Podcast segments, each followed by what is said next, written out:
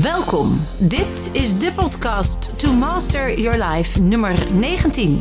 De kracht van kwetsbaarheid. Tips op het gebied van body, mind en food. Mijn naam is Vilna van Betten en ik heb er super veel zin in. Welkom lieve dames en mensen, weer een nieuwe podcast en dit keer over kwetsbaarheid, maar dan als kracht. En wellicht verstop je wel eens je kwetsbare zaken naar de buitenwereld of geef je anderen de schuld voor hoe jij je voelt, omdat je ervoor schaamt en het niet perfect of goed genoeg vindt lijken. Je denkt bijvoorbeeld: waarom zou ik vertellen dat ik dat niet kan? Daar heeft niemand wat aan. Of ik zeg maar niet dat ik me eenzaam voel, want daar zit toch niemand op te wachten. Of als ik zeg dat ik alleen wil zijn, dan vinden ze me vast een aansteller. Kortom, je kwetsbaarheid verstoppen. En dat kan leiden tot een afgescheiden en angstig gevoel. En dan blijf je in de loop van dat laat ik dus weer niet zien enzovoort. En dat maakt uiteindelijk hartstikke ongelukkig. En vandaag gaan we eens kijken, wat is nou kwetsbaarheid? Maar wat zijn dan ook de redenen waarom we ons niet kwetsbaar durven op te stellen? En vooral, wat kun je wel doen om je kwetsbaarheid te laten zien? En ik moet ook even denken aan als, uh, als ik op een verjaardag ben of in een groep, een soort receptieachtige setting om soms het ijs te breken, dan stel ik wel eens de vraag: Kom, vertellen we allemaal ons even ons meest awkward moment uh, dat we hebben meegemaakt de afgelopen periode. En dat is natuurlijk vaak iets heel kwetsbaars, waarin jij het gevoel had dat wat jij deed afgewezen zou worden door de groep als je dat zou vertellen. Of dat je dan als dom wordt aangezien of als stom. En dan komen altijd de meest leuke verhalen, waar we dan natuurlijk ontzettend om moeten lachen omdat het in retro-perspectief uiteindelijk helemaal niet zo erg bleek te zijn, maar in ons hoofd wel. En er zijn hele interessante onderzoeken gedaan over kwetsbaarheid. Brené Brown is iemand die zich daar heel erg in heeft verdiept. Wilde het helemaal uitpluizen. En is uiteindelijk zes jaar lang erover bezig geweest. Dus daar zal ik jullie vandaag ook in meenemen. Wat heeft zij ontdekt over kwetsbaarheid? Uh, en vooral hoe kun je dat ook anders zien en er anders mee omgaan als kracht. Ja, en neurochemisch, neurobiologisch, energetisch gebeuren ook hele interessante processen in je brein. En dan toch even naar dat allereerste gevoel van de angst voor afwijzing. Um, ik neem een voorbeeld. Jullie hebben allemaal wel eens een, een popgesprek gehad of een, uh, een evaluatiegesprek of een functioneringsgesprek. Hè. Een popgesprek is dan een persoonlijk ontwikkelplan. En dan kunnen de bazen of de managers of de leidinggevenden op dat moment 37 dingen noemen die je fantastisch doet. En één ontwikkelpunt aangeven. En dat ontwikkelpunt, dat blijft dan hangen. Uh, en uit onderzoek blijkt ook dat als je mensen vraagt iets te vertellen over liefde, dan vertellen ze je over hun ervaring van hartzeer. Of als je, uh, het gaat over connectie of een verbinding maken met mensen of erbij horen, dan vertellen ze de ervaring toen ze werden afgewezen. Uh, en of ze vertellen vooral waar dat niet zo was. Nou, waar ligt dat dan aan? Dat is een hardwiring in ons brein en dat noemen we de negativity bias. De negativity bias dat is eigenlijk een manier om ons te beschermen tegen het negatieve of tegen het kwade. Dus als jij vroeger in de evolutieperiode, in de oertijd, rondliep en er was gevaar, dan was het belangrijk dat je je richtte op wat gevaarlijk was of wat invloed had op jouw voortbestaan, op jouw welbevinden. En dat nam je eerder waar dan al het mooie en het positieve. En er is dus ook aangetoond dat als iemand iets tegen jou zegt wat voelt als afwijzing, die negativity bias dus activeert, dat dat sneller werkt dan al die keren dat tegen je is gezegd dat je fantastisch en mooi bent. En dat je dus dan wel weer honderd complimenten er tegenover moet zeggen om die, positive, die positiviteit hè, eigenlijk weer terug te krijgen. Dus je zou kunnen zeggen, nou het is hardwired, daar zitten we lekker mee. Dan is kwetsbaarheid tonen dus moeilijk, want ja, dan heb je minder overlevingskans. Nou, waar vooral die kwetsbaarheid dan uit voortkomt, is dus een stukje schaamte.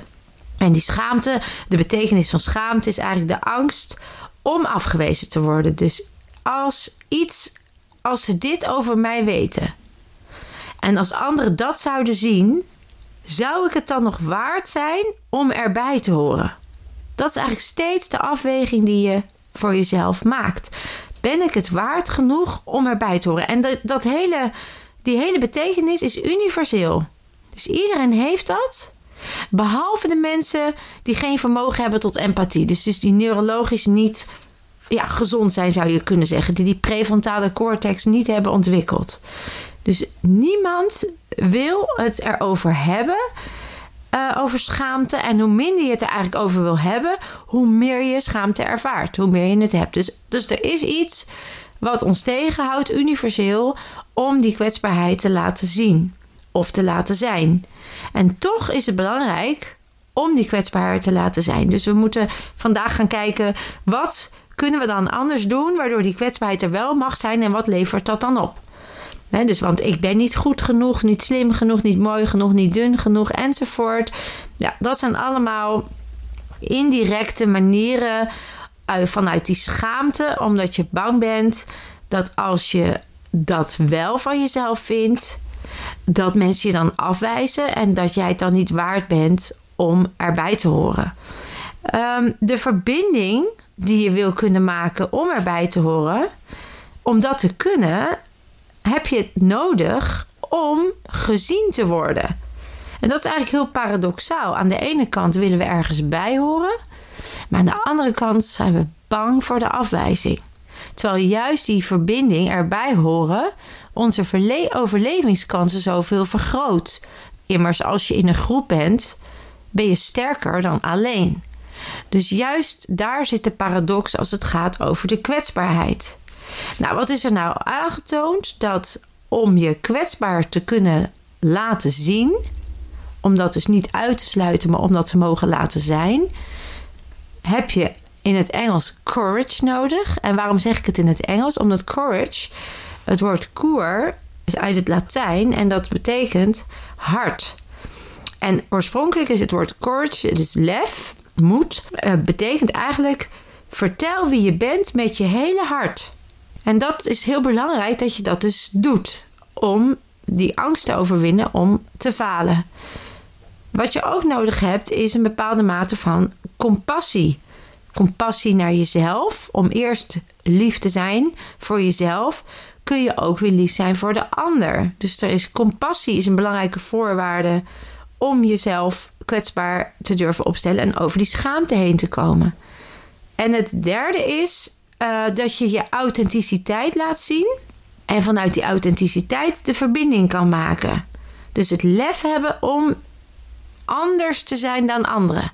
Je zou het imperfect mogen noemen.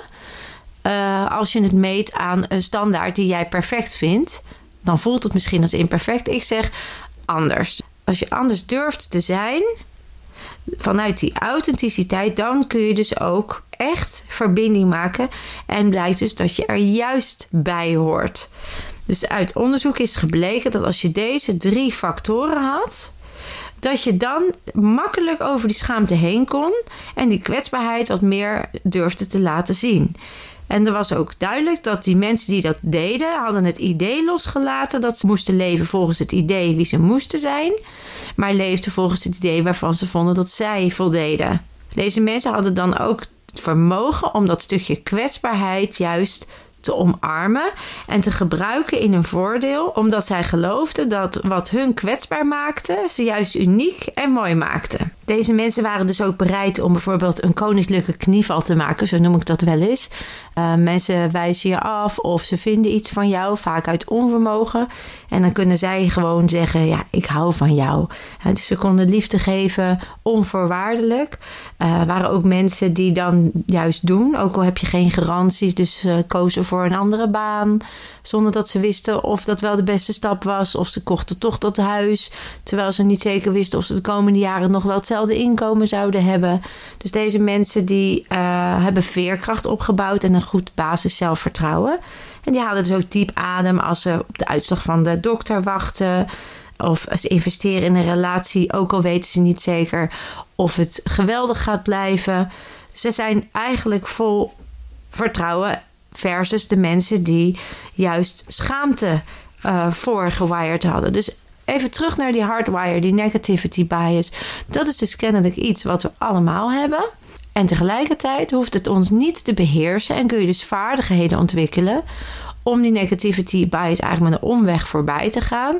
En veerkracht, zelfvertrouwen, weerbaarheid daarvoor te leggen, waardoor je daarop kunt terugvallen, op dat basisfundament, jezelf waardevol genoeg vindt en de kwetsbaarheid dus ook gaat gebruiken als kracht. Maar goed, interessant, want kennelijk is dat voor heel veel mensen nog steeds een uitdaging om je kwetsbaar op te stellen. En dat heeft echt te maken met wat ons aangeleerd wordt. En zeker hier in het Westen willen we allemaal controle hebben.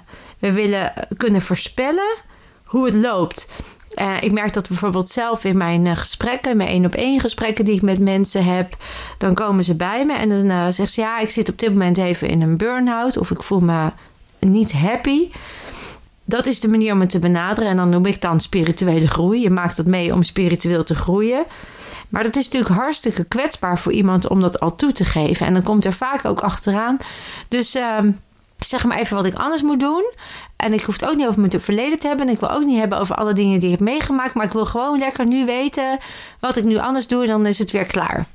Nou, dat is een duidelijk voorbeeld van dat die kwetsbaarheid er gewoon niet mag zijn, omdat ze het zien als zwakte of als falen of als afgaan. Terwijl als ze juist naar dat zouden kunnen gaan, ze zichzelf zoveel meer gunnen en zoveel waardevoller gaan voelen. En niet dat ik zeg dat je altijd naar het verleden moet, maar het feit dat ze zichzelf al beschermen, geeft dus aan dat die kwetsbaarheid nogal groot is om te laten zien. En dan is het dus echt die schaamte, het waardevol kunnen voelen, wat dan in de weg zit. Wat eigenlijk dan het belemmert dat je het niet, uh, niet doet. Terwijl kwetsbaarheid kennelijk dus de kern is van schaamte en angst en het niet waardevol kunnen voelen, is het ook de geboorteplaats van geluk, liefde, connectie, erbij horen, creativiteit. En als ik dus in mijn gesprekken duw op die kwetsbaarheid, dan zijn ze in eerste instantie geneigd om dat terug te duwen. Dus de volgende interessante vraag is van waarom worstelen we daar zo mee, los van die negativity bias? Ik denk dat het komt dat we een soort murf geslagen zijn, afgeleerd zijn om kwetsbaarheid te laten zien. Dus het gevoel om kwetsbaar te zijn wordt gewoon niet erkend in onze maatschappij. Als het uit onderzoek blijkt ook dat als mensen zeggen, als je vraagt wanneer vind je kwetsbaarheid ongemakkelijk, wanneer voel jij je het meest kwetsbaar, dan krijgen we antwoorden als als ik mijn man hulp moet vragen als ik ziek ben. Mijn man zou zeggen als ik seks moet initiëren bij mijn vrouw. Uh, maar ook afgewezen worden als iemand je uitvraagt. Uh, wachten op het telefoontje van de dokter. Dus we leven kennelijk in een hele kwetsbare wereld. En we willen de hele tijd controle. En ondertussen zijn we ook de wereld waar op dit moment heel veel mensen in schulden zitten, waar er overgewicht is, waar er mensen aan de medicatie zijn. Dus waar we eigenlijk slecht voor onszelf zorgen. En dat komt omdat we dus emoties ontkennen. En we hebben het nu over kwetsbaarheid, maar ik denk dat het over het algemeen geldt dat we eigenlijk onze emoties wegstoppen. Ik voel me zo en dus neem ik lekker een zak chips. In plaats van wat voel ik, ik herken het, erken en ik handel ernaar. Nou, als je dat dus doet, dan, sluit je dus een stukje geluk of plezier of dankbaarheid uit. Ben je jezelf weer kwijt, voel je weer kwetsbaar neem je dus maar weer een zak chips. En dan blijf je in die cyclus waar je jezelf eigenlijk ontkent. En daarmee ook uh, je ongelukkig voelt. Dus het is heel belangrijk dat we die schijnveiligheid die is ons aangeleerd, die controle die we denken te willen hebben, en die zie je ook terug hier in, om ons heen. Mensen die in de politiek, hè, er is geen conversatie meer, maar we geven de schuld aan de ander. Wat eigenlijk letterlijk gewoon een manier is om pijn en comfort te vermijden. We perfectioneren echt alles. Eh, we halen vet weg bij onze billen. We stoppen het weer in onze wangen. We, we doen botox in ons gezicht stoppen om maar niet die kwetsbaarheid te mogen laten zijn. Omdat we denken dat we dan er niet meer bij horen en niet voldoen aan het beeld waarvan we ook zouden vinden dat we zelf mogen voldoen. En met name is dat natuurlijk ook belangrijk in het rolmodelschap wat we doorgeven aan onze mensen om ons heen. Je kinderen, je familie, je vrienden. Je gaat ook niet tegen een babytje zeggen: je bent imperfect. Kom maar op, eh, de wereld is niet leuk. Je gaat die zegt tegen een kind, je bent gewoon goed zoals je bent. En ja, er gaan dingen gebeuren en er komen dingen op je pad. Dus zorg dat je voorbereid bent. Zorg dat je zelfvertrouwen hebt. Zorg dat je veerkracht hebt. Zorg dat je jezelf sterk blijft houden. Want al die momenten waarin jij jezelf tegenkomt en daar weer uitkomt, heb je het gevoel dat je groeit. Ervaar je geluk, ervaar je plezier.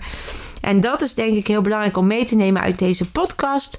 Dat je jezelf gunt om te vallen, omdat je zonder vallen niet kunt opstaan. En een hele mooie quote uit de aannames van neurolinguistisch programmeren is ook: er is geen falen, slechts groei.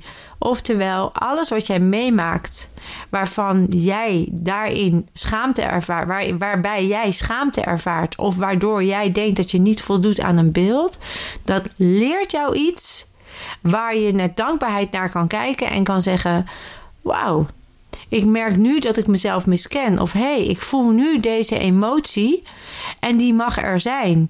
Hoe ga ik dat anders aanpakken? Dus in plaats van een beetje de heersende, ja, de heersende cultuur op dit moment, waarin je ziet dat mensen zeggen: Oké, het gaat slecht met Nederland, zo is het. Zou kunnen zeggen: Oké, laten we zeggen, we erkennen dat het beter kan. Niet vanuit het nastreven van de perfectie, maar vanuit het op onszelf vertrouwen, vanuit die kracht. Kijken of we het beste eruit kunnen halen. En dat is echt iets anders dan vanuit wilskracht ergens voor gaan of uit angst of kramp om niet te falen. Dus heel erg de situatie gebruiken om te kijken wat goed voelt en wat in dat stuk geoptimaliseerd kan, kan worden. Niet vanuit het ideaalbeeld, maar vanuit wat klopt en wat past bij mij. En dat is eigenlijk een heel mooi voorbeeld wat ik zelf heb gehad bij uh, Maurice toen hij in het ziekenhuis lag. Maurice was iemand die ook vanuit zijn opvoeding had meegekregen dat hij uh, niet, ja, jongetjes huilen niet. Hij was ook emotioneel niet gevoed. Dus hij werd niet opgevoed in hoe ga je met emoties om? Zijn vader was alcoholist. Zijn moeder heeft altijd alle bordjes hoog gehouden. Dus hij, je zou kunnen zeggen dat voor hem emoties tonen een vorm van zwakte was. En hij wilde ook controle hebben om zijn leven in ieder geval het gevoel te geven dat het wat waard was. En zichzelf ook het gevoel te geven dat hij wat waard was.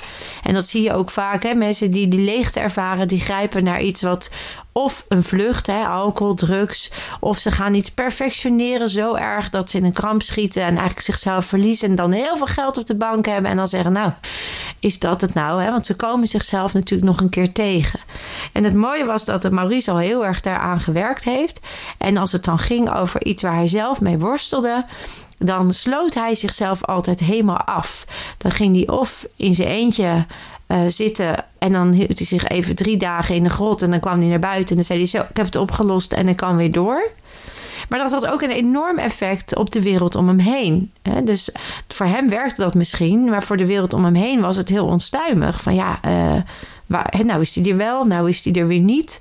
Uh, een soort silent treatment kun je zeggen. Hij was dan ook niet aanspreekbaar, mokkig, want hij zat ergens mee. En dat durven toegeven of hulp vragen, ja, dat was gewoon not done. En dat was echt een strategie geworden voor hem, een overlevingsstrategie. En dat was ook heel vaak gelukt, maar soms ook niet. En dan dat toegeven was nog een stap verder. Dus dan ontkenden we het, of hij ontkende het. En toen kwam hij natuurlijk in het ziekenhuis te liggen. En hij had dysfunctional brain damage, dus hij had uh, axonale schade. Dus er waren heel veel plekken in zijn hersenen die bloedingjes hadden door de klap op zijn hoofd met de motor. En toen hadden ze gezegd, ja, hij heeft dusdanig veel schade dat we niet zeker weten of hij überhaupt nog wakker wordt. En als hij wakker wordt, hoe hij er dan bij zit. En ze gingen zich zorgen maken, want hij bleef maar slapen. En toen wist ik, ja, maar deze man, die, die ik ken hem inmiddels al ruim 20 jaar. Die heeft een strategie, die heeft een programma in zijn systeem waar hij nu op terugvalt. En dat is: ik laat mijn kwetsbaarheid niet zien. Misschien schaamde hij zich wel dat hij uh, een ongeluk had gehad. Misschien durfde hij zijn kwetsbaarheid niet te laten zien. Dus wakker worden zou maar zomaar geen optie geweest kunnen zijn. En toen ik dat me realiseerde, heb ik via hypnotische inductie, dat is eigenlijk op zijn onbewuste suggesties geven en inpraten, waardoor hij dat programmaatje aanraakt en herprogrammeert, heb ik hem eigenlijk in een half uur wakker gekregen. De arts die stond erbij en die zei: Nou, dit is bizar. Die hadden dat nog nooit gezien. Omdat zij mechanisch naar het lichaam kijken, maar ik kijk natuurlijk naar het hele systeem. En er zat energetisch en neurochemisch lag daar een patroon wat niet handig was en zat daar een emotionele blokkade.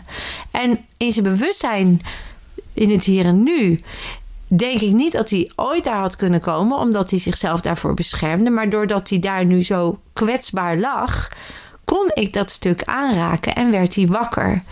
En ik weet ook dat dat zijn leven weer terug heeft gegeven. En sindsdien is dat ook vrij. En merk ik ook dat hij ja, eigenlijk veel meer geluk ervaart en dankbaarheid kan geven en lief kan zijn voor zichzelf omdat dat overlevingsmechanisme hem ook ja, verharden. En soms ook naar de buitenwereld toe verharden. Immers, als je jezelf niet lief hebt in dat stuk, ja, dan is het ook heel erg een uitdaging om dat naar anderen te uiten.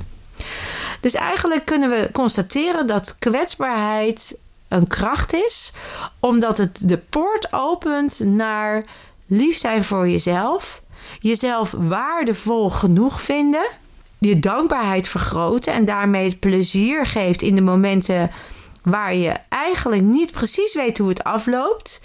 Maar je kan dan genieten van de weg er naartoe. In plaats van het te dramatiseren, zeg je eigenlijk: Ja, ik ben zo ontzettend dankbaar. Want ik voel me zo kwetsbaar in deze situatie. En dat geeft me dus het gevoel dat ik leef. En het geeft je zo'n sterk gevoel van zelfvertrouwen, omdat je weet dat je genoeg bent en dat je op die basis kunt vertrouwen. En dan hoef je niet te overschreeuwen of dan ga je ook luisteren naar de ander, omdat je durft open te stellen voor wat een ander je aan kansen kan geven. Dus dan valt eigenlijk die hele beschermingsschil weg. Voel jij je heel? Ben je ook één met jezelf? En vanuit die authenticiteit durf je verbinding te maken en gaat er eigenlijk een wereld voor je open.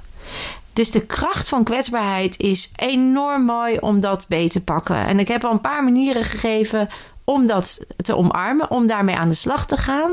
En om dat te versterken, zou je nog een stukje uit de Body Mind Reset oefening kunnen toepassen, waarbij je iedere ochtend eigenlijk uh, je voeten en je armen intuïtief kruist. En terwijl je met je ogen van links naar rechts beweegt, zeg je eigenlijk hardop affirmaties die bevestigen dat jij kwetsbaar mag zijn. Zoals ik mag kwetsbaar zijn, ik ben dankbaar voor, en dan noem je de zaken waar je dankbaar voor bent. Ik stel me open voor wat op mijn pad komt. Als ik val, sta ik sterker op. Ik ben dankbaar dat ik leef. Uh, ik kan verbinding maken en ik maak verbinding met mensen vanuit liefde. Ik ben lief voor mezelf. Ik ben lief voor een ander. Ik ben zacht voor mezelf. Ik ben zacht voor de ander. En dan zul je merken dat je geluksgevoel en je hele welbevinden gewoon een enorme boost krijgt. Nou, als je nou het gevoel hebt dat er nog een enorme freeze achter zit, of een belemmering of een blokkade, kom dan gerust een keer langs voor zo'n one session, BMR one session coaching, waarin ik je gewoon kan bevrijden van die blokkade. Waardoor je ook echt merkt dat je die schil af kunt gooien en de kracht van kwetsbaarheid lekker mee kan nemen. Ja, wil je nog veel meer weten over hoe het brein werkt en hoe jouw energetische banen lopen en hoe emoties zich dan vastzetten? Dan uh, adviseer ik je om een keer naar een eh, PMR Live Masterdag te komen. En wie weet vind je het leuk om eens een keer een meerdaagse te doen, zoals de Reset Retreat. Of een week waarin je zeker weet dat je de dingen die je aan wil pakken vanuit heerlijkheid en kwetsbaarheid juist gebruikt om nog krachtiger naar buiten te komen. Ik wil jullie weer bedanken voor een waanzinnige fijne podcast. Ik hoop jullie uh, weer geïnspireerd te hebben en dat jullie kwetsbaarheid vanaf vandaag uh, er mag zijn. Net als mijn kwetsbaarheid. Ook een lekkere beetje zelfspot helpt er ook bij. Zet het in en je weet het, je kunt meer dan je denkt.